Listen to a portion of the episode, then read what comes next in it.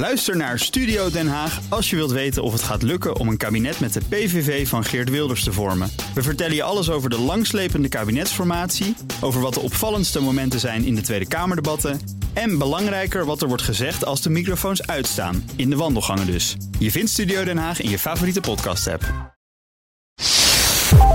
Ja, maar dat is een heel ander. Dat als je zegt van oké, maar we gaan de anderhalve meter regel in en je hebt mondkapjes en dergelijke, ja, dan hoef je 2G niet in te voeren. Nee. Dus een 2G is vooral als anderhalve meter niet kan.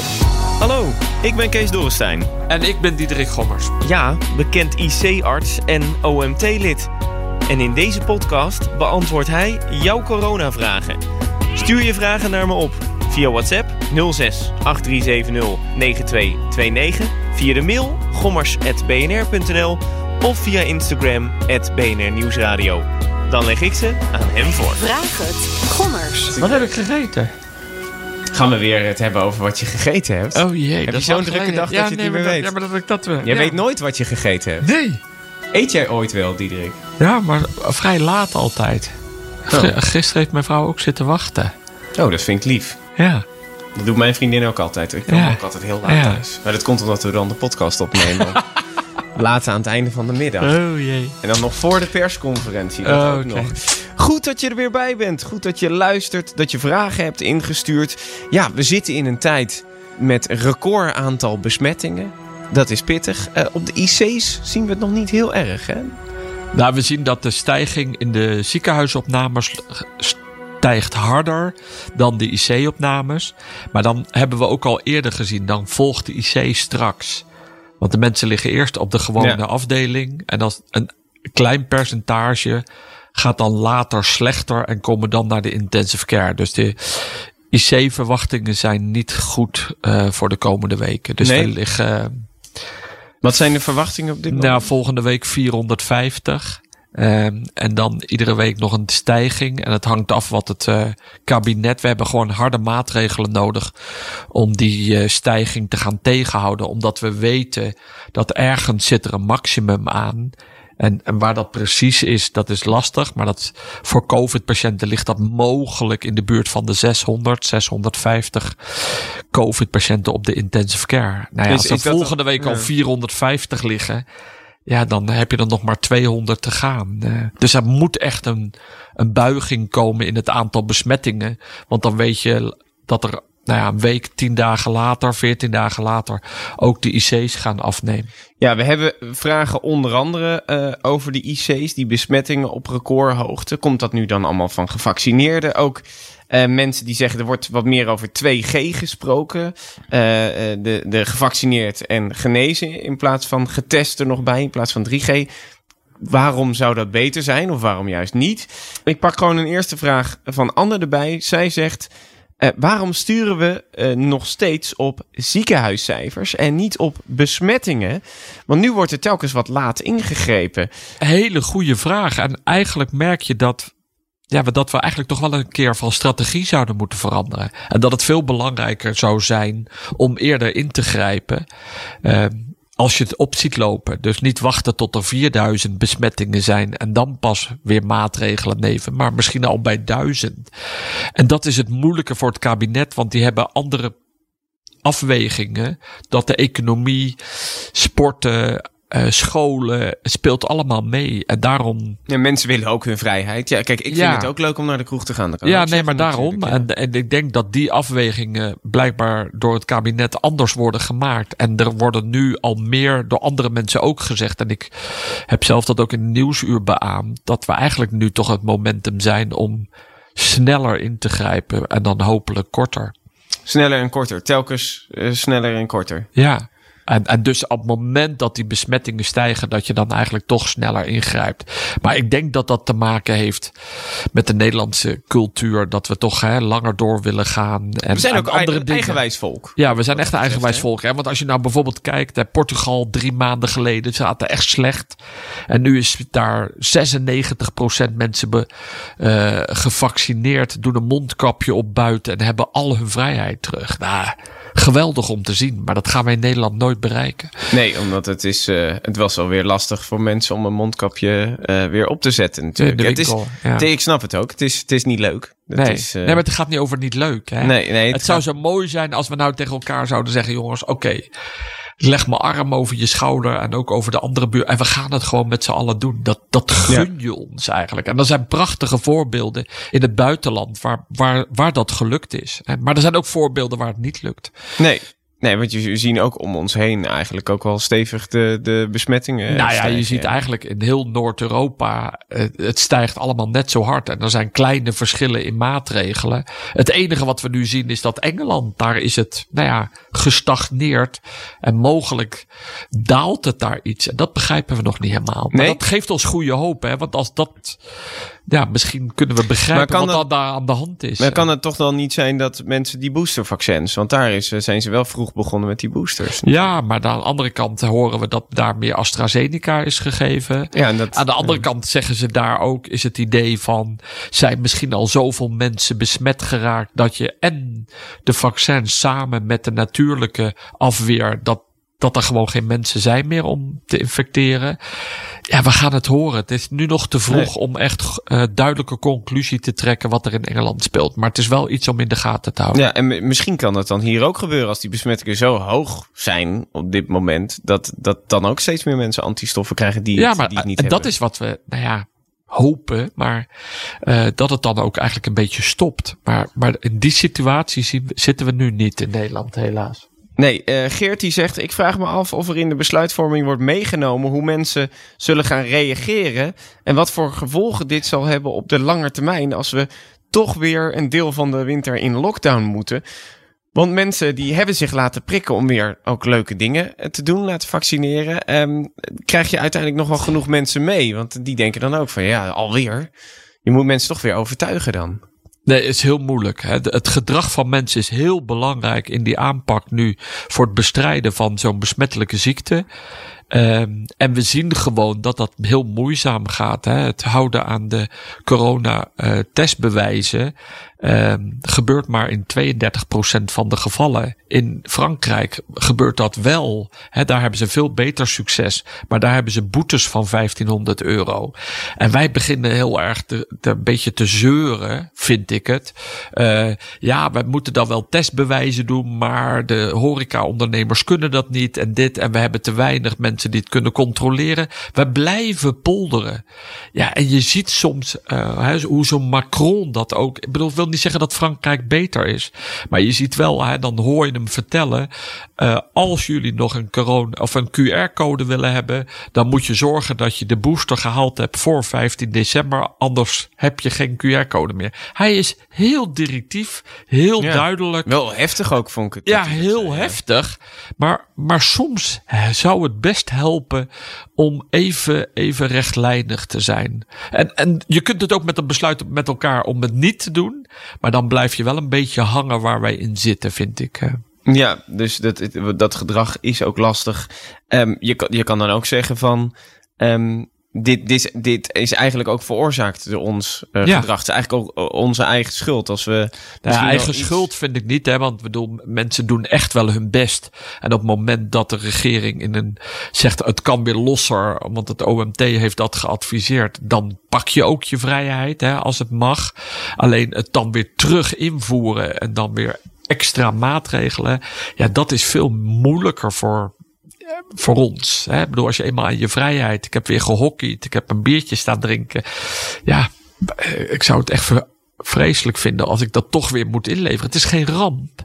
Maar, maar je hebt er net weer aan geproefd. We zijn nu alweer ruim eh, anderhalve maand heerlijk aan het sporten. Nee, exact. Hetty, die zegt... Wordt het virus nu niet vooral door gevaccineerden verspreid... omdat de antistoffen na de vaccinaties minder aan het worden zijn? Want ja, ik, ik denk dan wel een piek van 16.000 besmettingen per dag. Ja, dan, en de meeste mensen zijn gevaccineerd. Ja, we hebben, ik weet niet meer het exacte percentage, maar vorige keer hebben we genoemd, vorige week was dat rond de 50. Nou, je, Mhm. je verwacht dat dat iedere keer blijft stijgen. En dat was al iets boven de 50 zal het nu dus zijn. Dat betekent van die 16.000 besmettingen zijn er dus meer dan de helft bij volledig gevaccineerden. Wat belangrijk is bij die volledig gevaccineerden, dat ze niet ernstig ziek worden. En ze dragen het ook minder over. Ze dragen het wel over, maar minder dan ongevaccineerden. Maar het lastigste eigenlijk is, is dat de ongevaccineerden een grotere kans hebben dat ze iemand tegenkomen die het virus bij zich draagt. Het zijn niet Mhm. alleen maar andere ongevaccineerden, maar het zijn nu ook gevaccineerde mensen die zich misschien anders gedragen omdat ze denken, ja, ik ben volledig gevaccineerd. Ja. En dat maakt het zo lastig dat die ongevaccineerde groep, die loopt een groter risico. En als die geïnfecteerd zijn, dan dragen ze het makkelijker over en ze worden sneller ziek. En, en eventueel ook ernstiger ziek. Ja, en ik, en ik zag wat, wat IC-cijfers voorbij komen dat ehm, bij jongeren, eh, dus tot de 50, dat die niet heel erg naar, eh, eh, naar het ziekenhuis en de IC komen, die, die gevaccineerd zijn en besmet worden. Maar naarmate je ouder bent, zie je ook wat vaker weer ook de gevaccineerden richting het ziekenhuis komen. Ja, we zien, we zien dat de antistoffen bij de ouderen wat afnemen. En we zien ook dat de, effectiviteit voor ziekenhuisopname en IC-opname, dat is een heel klein beetje gedaald. Maar de, de laatste studie van de RIVM is dat gedaald van 97, 99, 97% bescherming naar 96%. Dat is 1% daling. Dat betekent dat in plaats van 3%, 4% van de mensen het risico loopt om op de intensive care opgenomen te worden. Ja, dat is nog steeds een waanzinnig klein percentage. Maar in absolute cijfers zie je dus dat het, dat er steeds meer maar nog heel weinig uh, mensen die volledig gevaccineerd zijn in de oudere groep. En daarom is in die groep het belangrijk om die booster te geven. Ja, precies. Daar komt nu ook een. Uh, de gezondheidsraad moet een spoedadvies gaan geven over AstraZeneca en Janssen. Uh, wat ja, dat nou, betreft, bedoel, het laatste nieuws is dat we nu toch wel uh, zien dat de antistoffen na Janssen en AstraZeneca sneller dalen. Maar ja, um, ant de antistoffen is één. Want het zijn vooral de jonge mensen die het AstraZeneca, nou ja, niet de AstraZeneca, maar het Janssen-vaccin hebben gehad. Mhm. Mm -hmm. maar, maar je afweer, dat hebben we al eerder gehad, gaat niet alleen over antistoffen. Nee, dat precies. gaat ook over je T-cellen, je cellulaire daar, afweer. Daar komt zo meteen nog een vraag over. Okay, dat is gaan leuk. We dat, gaan we dat dadelijk doen. Dat is, maar, uh, maar, maar, maar, maar er is absolute aanwijzingen dat de antistoffen um, sneller dalen naar AstraZeneca en Janssen vooral. Dan hebben Nettie en Franka, die zeggen als een huisgenoot klachten heeft, uh, maar jij niet, uh, en je bent gevaccineerd, geeft de GGD het advies dat je gewoon weg kan. Um, wat is het advies nou? Uh, en is het eigenlijk niet verstandiger om dan thuis te blijven als je huisgenoot klachten heeft? Dus een, uh, een partner of een, een huisgenoot, ja. dat Want je kan dan ook wel, er is er een kans dat je het dan hebt en dus het dat kan ook kan overgeven. Ja, nee, hele goede, goede vraag en goede opmerking. Want dit, wat dit voelt raar. Um, en op het moment dat dadelijk de maatregelen weer aangescherpt zijn, zal dit ook worden veranderd. Um, ik verwacht dat er in, hè, als, dat, dit, dat dit anders wordt. Want ja. je loopt gewoon risico dat je het virus draagt en dat je positief. Dus dat het advies weer wordt van blijf thuis als een Ja, en laat je testen. Heeft. En als je dan negatief bent op dag vijf, dan. Uh, mag je volgens mij het huis uit, maar dat weet ik niet zeker. Ja, dat vaak wordt die vijf dagen dan ja, uh, dat je dan een test laat doen en als die negatief is, ja. dan wordt je quarantaine, dacht ik, opgelost. Want dat... stel als je geen symptomen hebt, uh, dus dat je niet niest of dat soort dingen, kan je het dan alsnog ja, overgeven? Je kunt, hè, dat noemen we die asymptomatisch, hè, dus geen klachten, maar kan je wel het virus bij je dragen. Alleen je moet ook wel hoesten of niezen of met veel volume praten, hè, dus veel druppeltjes verspreiden, want anders verspreid je het ook niet. Nee. Uh, maar goed, dit is niet nul, die verspreiding. Dus en dus asymptomatisch, ja. met een, kun je dus een positieve test hebben. Ja, en dan zou je het, het virus kunnen verspreiden. En dan zou het verstandiger zijn om thuis te blijven. Ja, je kan bewijzen van uh, met je, je hand uh, of in je neus gepeuterd hebben en dan iemand een hand geven, later bewijs van, dan kan je het ook ja. technisch gezien doorgeven. Ja, absoluut. Um, dan iets heel anders. Um, even, uh, even niet in, in de waan van de dag. Uh, Mandy en nog een andere anonieme luisteraar, ze wilde haar naam liever niet noemen. Uh, zij, zijn, zij zeggen, um, mijn vriendinnen en ik merken dat onze menstruatiecyclus is veranderd na de vaccinatie. We hebben verschillende vaccins gehad, maar hoe kan dit? Ja, gek is dat, hè? Maar, de, maar er is na de vaccinatie zijn er meer mensen geweest die last hadden van verandering van de menstru menstruaties. En sommigen hadden het ook heftiger. Ja, het enige wat ik zou me kunnen. Kijk, menstrueren is natuurlijk uh, dat, daar is je stolling bij betrokken. Mm uh, en, en vaccins, die lijken een beetje op COVID-achtige klachten. En die doen dus iets met je stolling. Mm -hmm. uh, en daar moet het dan van komen. Maar ik kon niet vinden of er een hele duidelijke reden is. Maar het moet te maken hebben met je stolling. Mm -hmm. Ja, en als je stolling veranderd is, dan verandert mogelijk ook je menstruatie. Of het moet met je hormoonhuishouding te maken hebben. Ja. Maar dat kon ik nog niet zijn, vinden. Je hebt nog geen onderzoeken gevonden die dat Nee. duidelijk hebben, Nee. hebben gemaakt. Oké, dit hopelijk helpt dit een beetje. En hopelijk wordt je cyclus uh, weer normaal. Ja, dat is dus wat gek als man uh, zijnde om, om te zeggen. Maar ik wens jullie natuurlijk het beste. Uh, Lex dan, die zegt het OMT adviseert niet het verplicht stellen van een coronapas voor zorgmedewerkers. Dat is het, het, het vorige advies. Um, vrijwilligers en bezoekers in de zorg dus ook niet. Ik werk in een verzorgingstehuis met kwetsbaren en kan daardoor niet altijd anderhalve meter afstand houden. Is het toch niet verstandiger om die groep te beschermen door toch een coronapas te verplichten voor zorginstellingen? Um, want dan is de kans gewoon groter dat er gezonde mensen uh, binnenkomen. En dus dat je niet juist die kwetsbaren weer aansteekt. En er kwam later ook nog met een uh, voorbeeld van waar het ook is uh, misgegaan. Weer in een verzorgingstehuis waar, waar wat mensen zijn aangestoken. Ja. Nou kijk, het coronatestbewijs gaat over de QR-code. En dat is eigenlijk bij mensen die volledig gevaccineerd zijn, krijg je een QR-code. Of als je getest bent, of uh, hè, als je ziek geweest bent. Maar wat we net over hadden, ook die QR-code is niet helemaal waterdicht. Want als je volledig gevaccineerd bent, maar je hebt wel klachten, kan je ook mm -hmm. weer het virus verspreiden. Dus eigenlijk, ja. als je het voor de verpleeghuizen goed zou doen, zou je eigenlijk iedere dag moeten testen. Ja. Want dan is het een beter waterdicht systeem. Als je dan, echt het helemaal buiten wil houden. Ja, als je het echt helemaal buiten wil houden. En er is en blijft een risico. Maar ja, uh, het, je hebt ook personeel nodig. Dus je kunt wel zeggen, ja, we gaan de QR-code invoeren. Maar als je dan niet naar binnen mag omdat je geen QR-code hebt. Je hebt ook personeel nodig om voor die mensen te zorgen. Ja. Dus het zijn allemaal En er zijn ook nog eh, zorgmedewerkers die ervoor gekozen hebben om zich niet te laten vaccineren. en dus om- geen QR-code. Ja, of omdat ze daar een goede reden hebben. Of omdat ze een bepaalde ziekte hebben dat ze zich niet kunnen laten vaccineren. Maar ze zijn wel belangrijk in het zorgproces. En zij kunnen dan beschermingsmiddelen opdoen. Ook al uh, komen ze binnen die anderhalve meter. Want dat zien we in de ziekenhuizen. Hè. In de ziekenhuizen gebruiken wij mondkapjes. Ja, die hebben echt die medische Ja, mondkapjes dus ja, dus die 2R die gebruiken wij dan. En daarmee voorkom je de verspreiding. Dus ja, en daarom hebben ze gezegd... in de ziekenhuizen hoef je niet het zorgpersoneel Nee. per se een QR-code te hebben. Want daar worden gewoon voorzorgsmaatregelen genomen. In bejaarden of verpleeghuizen is dat soms lastig. Hè, want dan heb je een soort woonkamerfaciliteit. Mhm. Als je dan als zorgmedewerker een kapje... maar het, het kan wel, maar soms vinden ze dat lastig. Mhm. En dus heeft ieder verpleeghuis zijn eigen afspraken. Ja. En ze moeten toch proberen, hè, dus bij klachten toch thuis te blijven. Mondkapjes op, veel je handen wassen.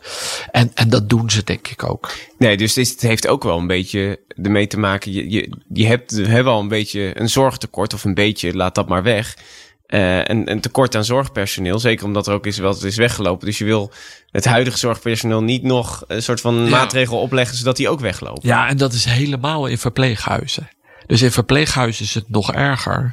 Ehm, ja, en dat betekent als jij avond- en nachtdienst hebt. en als jij dan een uur van tevoren afbelt. moet er wel een andere collega komen. En Ja. er is bijna geen collega. Dus dat. de- eh, het rooster rondkrijgen in verpleeghuizen is echt. poeh. Ja.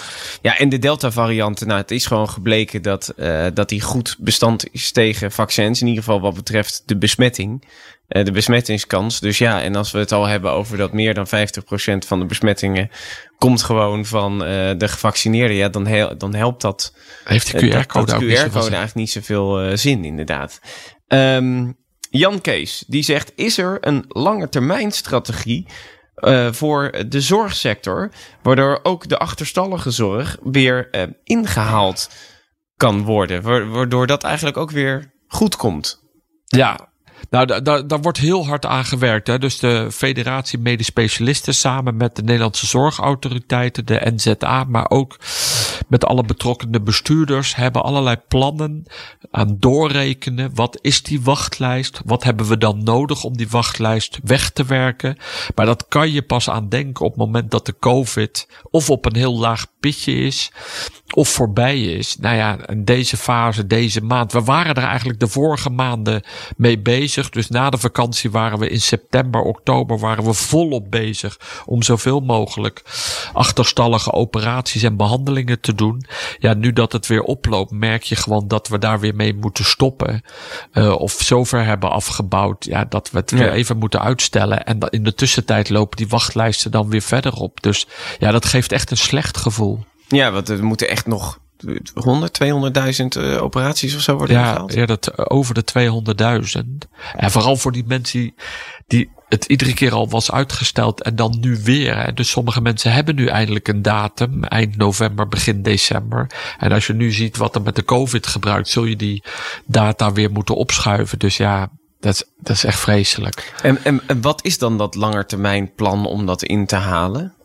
Nou ja, dat je met elkaar kritisch kijkt. Wat is belangrijk en waar kunnen we het doen? En hoe kunnen we dat zo efficiënt mogelijk doen. Hè? Want sommige dingen kun je in privé ziekenhuizen doen. Hè? Die ZBC's heet dat met de mooie. De hè, heupen en knieën en dat soort operaties. En als je dat daar misschien meer kan doen, kun je andere operaties, bepaalde complexe operaties, kan je misschien beter in de academische ziekenhuizen doen.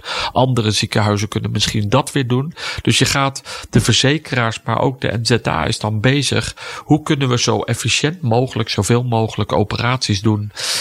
Op die plekken die, die goed zijn ingericht. Dus eigenlijk dat je wat meer uh, ziekenhuizen krijgt uh, die echt gespecialiseerd zijn in bepaalde operaties. En die dus non-stop aan het doen zijn. En dat je dus weer voor een andere operatie misschien weer naar een ander ziekenhuis komt. Ja, maar dat is dan vooral hè, die, die, daar, ja, die kniestraten zoals ze dat noemen. Of, uh, dus dat, dat zijn in die soort privé-achtige situaties. In, in, maar je kunt ook bepaalde operaties in de academische wereld. Dat je meer tijd maakt. Hier doen we meer open hart operaties of meer hersenoperaties of meer complexe operaties, zodat de andere ziekenhuizen weer andere dingen meer kunnen doen.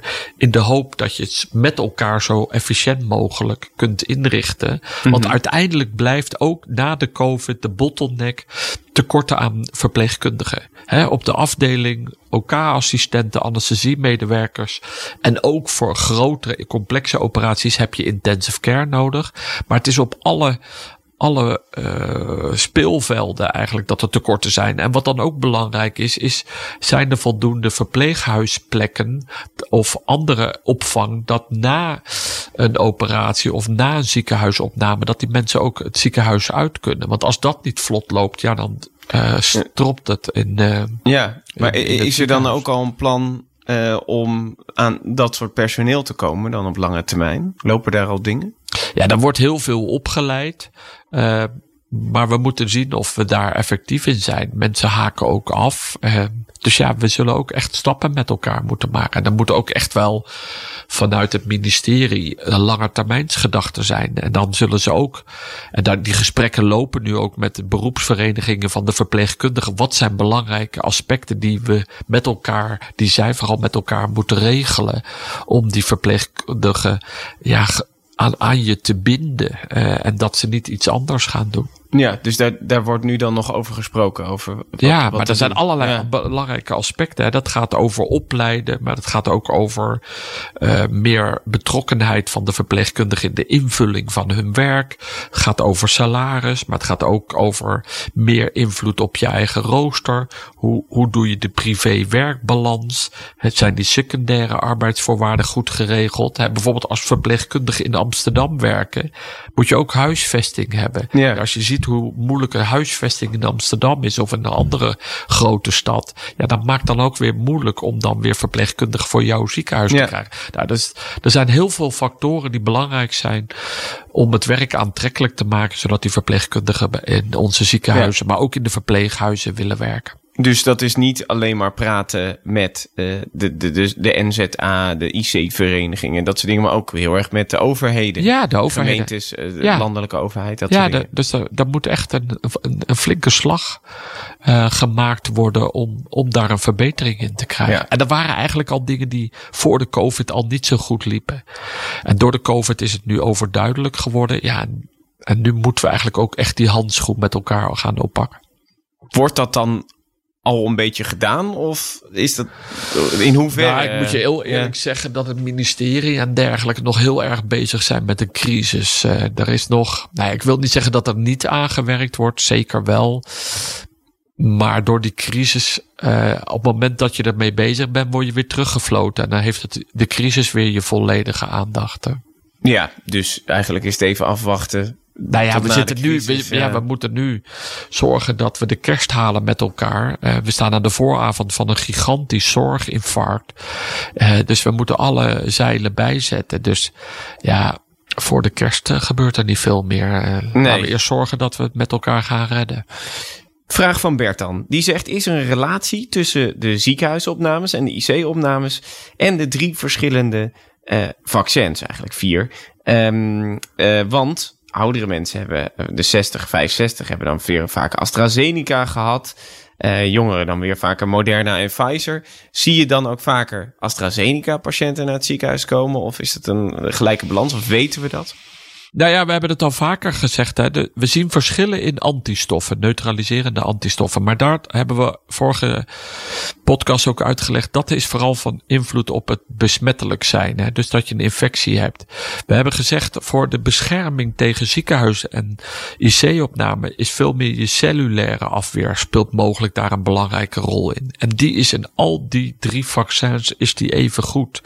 En daardoor zien we op dit moment nog geen verschillen dat kan wel anders worden. En dat kan ook anders worden bij verschillende leeftijden. Want we weten gewoon dat ouderen, dat de afweer daar eerder gaat dalen dan bij jongere mensen. En dat hebben we ook gezien in Israël. En in Nederland zien we dat nog niet zo. Dus op dit moment zijn de vooruitzichten in Nederland nog best goed. Terwijl in Israël zagen ze naar de mRNA-vaccins, dus de Pfizer en Moderna, dat je op een gegeven moment toch echt een afname zag van de effectiviteit tegen ziekenhuis en IC-opname. En natuurlijk krijgen wij ook berichten binnen dat er nu meer ouderen naar de ziekenhuis komen en intensive care. Maar, maar dat is nog niet op basis dat de effectiviteit verminderd is uit de laatste resultaten van de RIVM. Maar dat was het resultaat van vorige week. En volgende week komen ze met nieuwe resultaten. Dus zij doen iedere keer zo'n studie per twee weken. Maar het resultaat, de studie van vorige week liet geen afname zien. Nou, die ene procent afname.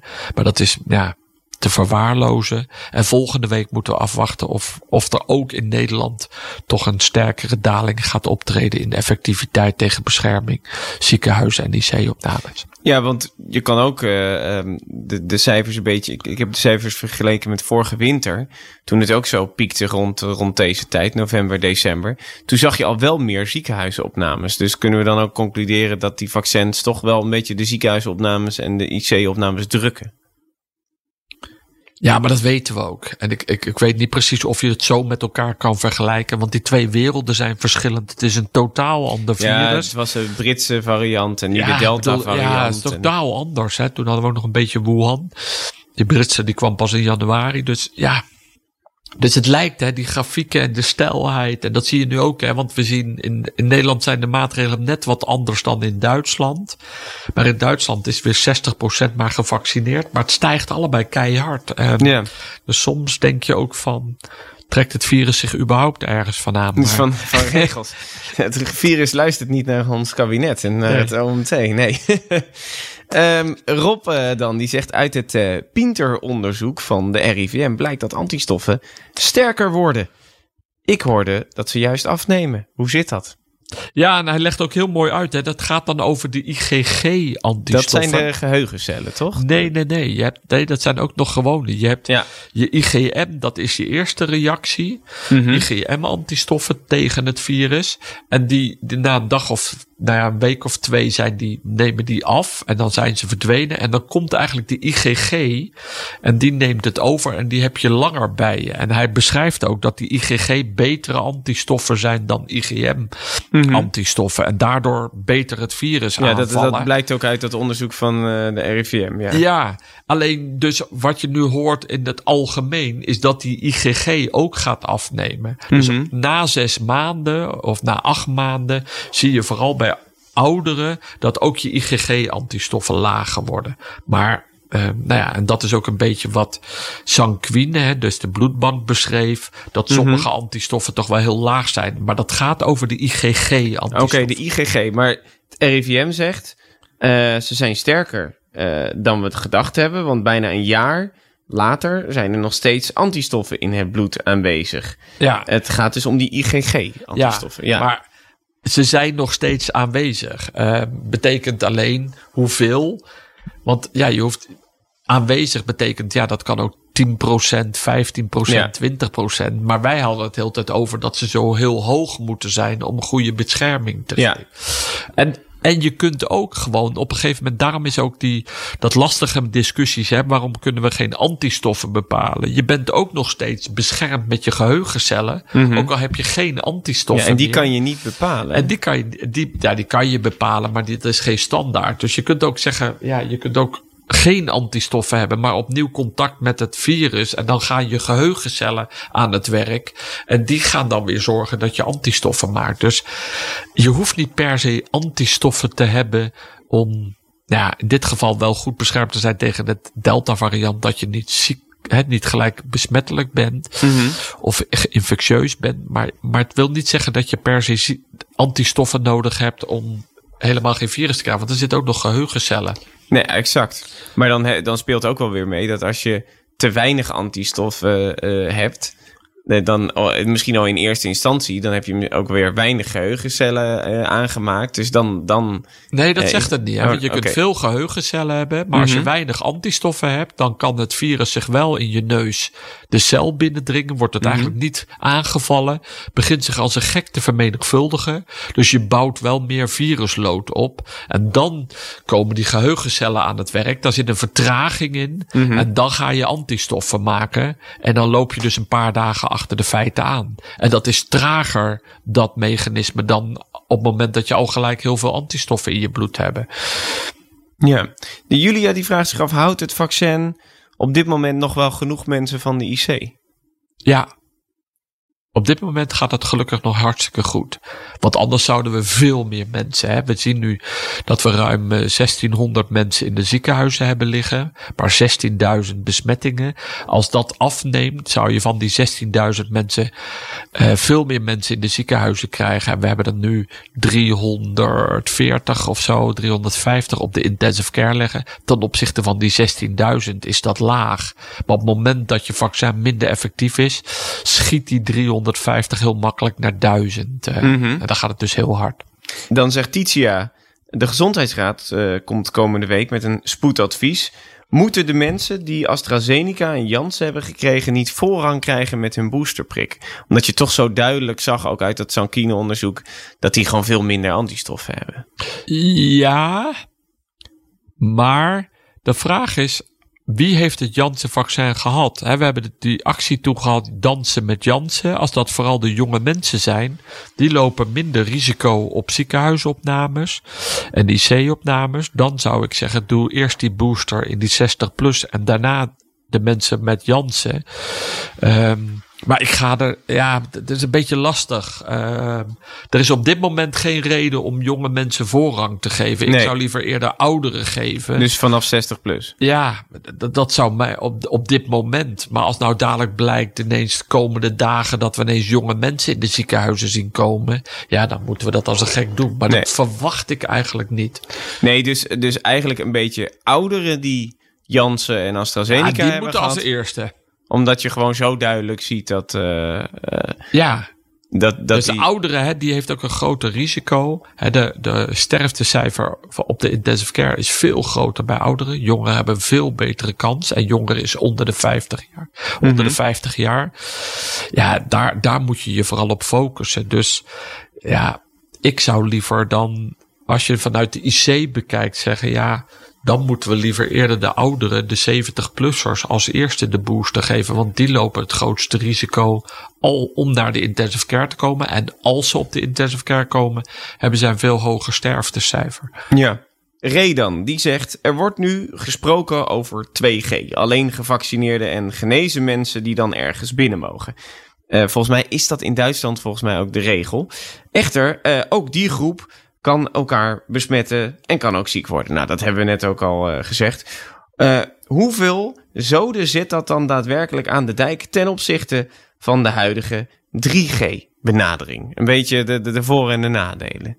Ja, nou ja, wat we al eerder besproken hebben is als jij natuurlijke afweer hebt of gevaccineerd bent, dan heb je gewoon minder kans dat je het overdraagt. Het is niet meer nul, je kunt besmet zijn, maar, maar gevaccineerden en genezen, die dragen minder makkelijk het virus over aan de buren. En jij, je draagt het dan iemand over die al antistoffen heeft. Mhm. En dat is het idee daarachter. Dus de mensen die geen antistoffen hebben, omdat ze ja, nog niet geïnfecteerd zijn met het virus of nog niet gevaccineerd zijn, die sluit je uit. Ja, dat is een keuze en die keuze is aan, aan het kabinet. Maar, maar, maar dan zet je mensen bij elkaar die antistoffen hebben. Die kunnen het virus wel doorgeven, maar die, ja, die hebben antistoffen. Dus die worden er mm, niet echt ziek van. Uh, en dat is wat je dan uh, bewerkstelligt. Dat je alleen maar mensen bij elkaar zet die antistoffen hebben. Ja, dat is echt een duidelijke politieke keuze. Vanuit het virus gezien bescherm je dan wel de mensen die niet gevaccineerd zijn. Want als die het virus krijgen, ja, dan is de risico veel groter dat ze in het ziekenhuis terechtkomen. Ja. Een klein percentage. Ja, je kan ook zeggen gewoon, uh, we houden uh, die, die QR-codes 3G, maar je moet wel sowieso anderhalve meter afstand houden of een mondkapje op. Ja, maar dat is een heel ander. Dat als je zegt ja. van oké, okay, maar we gaan de anderhalve meter regel in en je hebt mondkapjes en dergelijke, ja, dan hoef je 2G niet in te voeren. Nee. Dus een 2G is vooral als anderhalve meter niet, niet kan. Nee. Maar het is ook wel echt wel een keuze, hè? want daarmee maak je wel een tweedeling. Dus ja, het, precies. dit moet je wel willen uh, met elkaar. Ja, want ik kreeg ook al mensen in de app die zeiden dan van, uh, ja, 2G, uh, prima, uh, ik heb antistoffen. Alleen ik kan daar geen QR-code voor krijgen, want ik kan dat niet bewijzen. Maar ik ben al wel, ik heb al wel één of twee keer corona gehad. Maar dat is dan ook ja. wel weer lastig. Natuurlijk. Jawel, maar, de, maar de, bedoel, hè, uh, het is echt een moeilijke discussie. Hè? Want we, we moeten niet polariseren, we moeten niet mensen tegen elkaar wegzetten. Maar de, je wil aan de andere kant wil je natuurlijk ook mensen belonen die wel de keuze gemaakt heeft om te vaccineren. Dus hè, Ja. je, je, je, we krijgen ruzie om de niet gevaccineerden weg te zetten. Maar we krijgen ook ruzie om de, niet om de wel gevaccineerden niet te belonen. Nou, dat stukje ja, moeten we blijven uitleggen aan elkaar. Dus het is Ja. echt aan het kabinet om go- goede informatie te geven waarom je bepaalde keuzes maakt. En vanuit infectieziekten kan je kiezen voor 2G, omdat je dan de mensen die het grootste risico lopen dat ze er ziek van worden, die sluit je uit. Ja, vanuit infectieziekte kan dat. Ja, een beetje eh, voor hun eigen bestwil. ja, omdat eigenlijk vanuit hun eigen bescherming doe Ja. je dat dan. Maar ik bedoel, eh, je, je weet gewoon dat dat heel veel discussie gaat oproepen. Ja, en nu al, hè? Ja, dat, je ziet nu al dat er eigenlijk discussie gevoerd wordt in, in de samenleving. Ja, en dat merk je, daar zijn we dan wel Nederlanders in. Dat willen we eigenlijk niet. Hè? We willen eigenlijk niet groepen tegenover elkaar zetten. Eh, Nee, nee, precies. Maar uiteindelijk is het dus...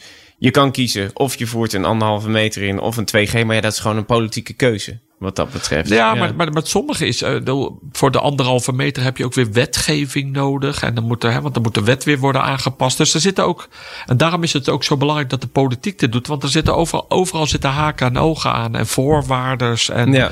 het heeft consequenties voor bepaalde eh, beroepsgroepen, nou ja, enzovoort, enzovoort. Dus Ja. het, het is echt lastig. Ja, precies. Want eh, het, het klopt ook dat als ze de anderhalve meter weer willen invoeren, dan moet de wet worden aangepast. Hè? Want dat was die eerste anderhalve meter mocht, maar dat mocht dan tijdelijk. Dus als je dat dan nu weer wil invoeren, moet je ook weer. Ja, en, wet en, om- maken, en ja. En omdat dat het zo ook, misgaat nu, kun je niet zeggen, nou, we wachten anderhalve week. Dus Nee. je moet het kabinet heeft vrijdag dan besloten wat de nieuwe maatregelen zijn. Maar die maatregelen moeten dan ook snel ingaan. Want anders kan je dat zorginfarct niet voorkomen. Wat er nu verwacht wordt half december. Ja, precies. En een wet maken kost tijd. Dus Ja. is, eh, eh, als je het snel doet, tien dagen volgens mij. eh, Ja, zoiets, dus, dus eh. ja, we gaan horen wat ze besluiten. Ja, ja, dat klopt. Of besloten, hè? Want als ze Ja. uitzenden, dan hebben we het. Dan hebben we Precies. Al, hè? Maar het grappige is, wij nemen dit dan altijd aan het einde van de week op. eh, want hè, Diederik heeft ook recht op weekend. Eh, anders moeten we dit zaterdag opnemen natuurlijk. Dus, eh, dus de regels, als je dit luistert, weten we nog niet. Maar wij hebben het ook wat meer over de medische dingen en niet over de, de, de, de strakke regels. Maar we, wij leggen gewoon dingen uit. Dus eh, we kunnen het er al wel over hebben. Maar we weten dus niet, ja, misschien ligt 2G op tafel. Misschien ook wel helemaal niet, hè, Nee. wat dat betreft. Ehm, heb je zelf een vraag? Wat best kan mogelijk kan zijn na de, al deze maatregelen en al die stijgende cijfers. Je kan hem dus appen, WhatsApp hem naar het WhatsApp-nummer dat je aan het begin van de aflevering hoort. Die krijg ik gewoon binnen, dus die maak ik, maak ik gewoon een lijstje voor. Soms duurt het even voordat jouw vraag op de lijst komt, omdat we gewoon heel veel vragen binnenkrijgen. Datzelfde geldt als je mailt naar gommers.bnr.nl. En het belangrijkste is, abonneer het. Stuur het door naar je vrienden. Die kunnen het dan ook abonneren. Die kunnen dan luisteren als die vragen hebben. Nou, vaak hebben we al een vraag behandeld in de podcast. En dan, dan leggen we dingen uit. En als die niet behandeld is, stel hem gewoon. En dan komt helemaal goed. Abonneren kan je leren in de favoriete podcast apps. En Diederik, tot eh, volgende week. ja, Dan eh, het wordt weer hard aan de slag. Kijken hoe de cijfers dan zijn. Hopelijk eh, zijn de eerste maatregelen van een, van een week geleden dan een beetje... ja, het zou het mooi zijn als we volgende week de eerste daling. Of laten we in ieder geval zeggen dat het afvlakt. Dat zou, zou ik heel blij zijn. Ja, we zijn wel echt stevig aan het pieken. Dus misschien wordt het wel weer zo'n hele hoge piek die dan ook weer heel snel naar beneden Ja, dat gaat. zou geweldig zijn. Maar dan zitten we volgende week hier dat het. Dat, dat, dat we de piek gehad hebben. Ja, Laten we daarvoor gaan. daar, eh, daar mikken we op. Tot volgende week. Hoi.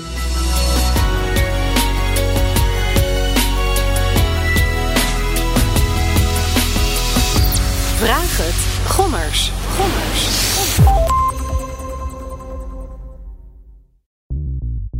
Bij BNR ben je altijd als eerste op de hoogte van het laatste nieuws. Luister dagelijks live via internet. Bas van Werven. En heel langzaam komt de zon op rond dit tijdstip. Je krijgt inzicht in de dag die komt op BNR, het Binnenhof in Nederland en de rest van de wereld. De Ochtendspits. Voor de beste start van je werkdag. Blijf scherp en mis niets.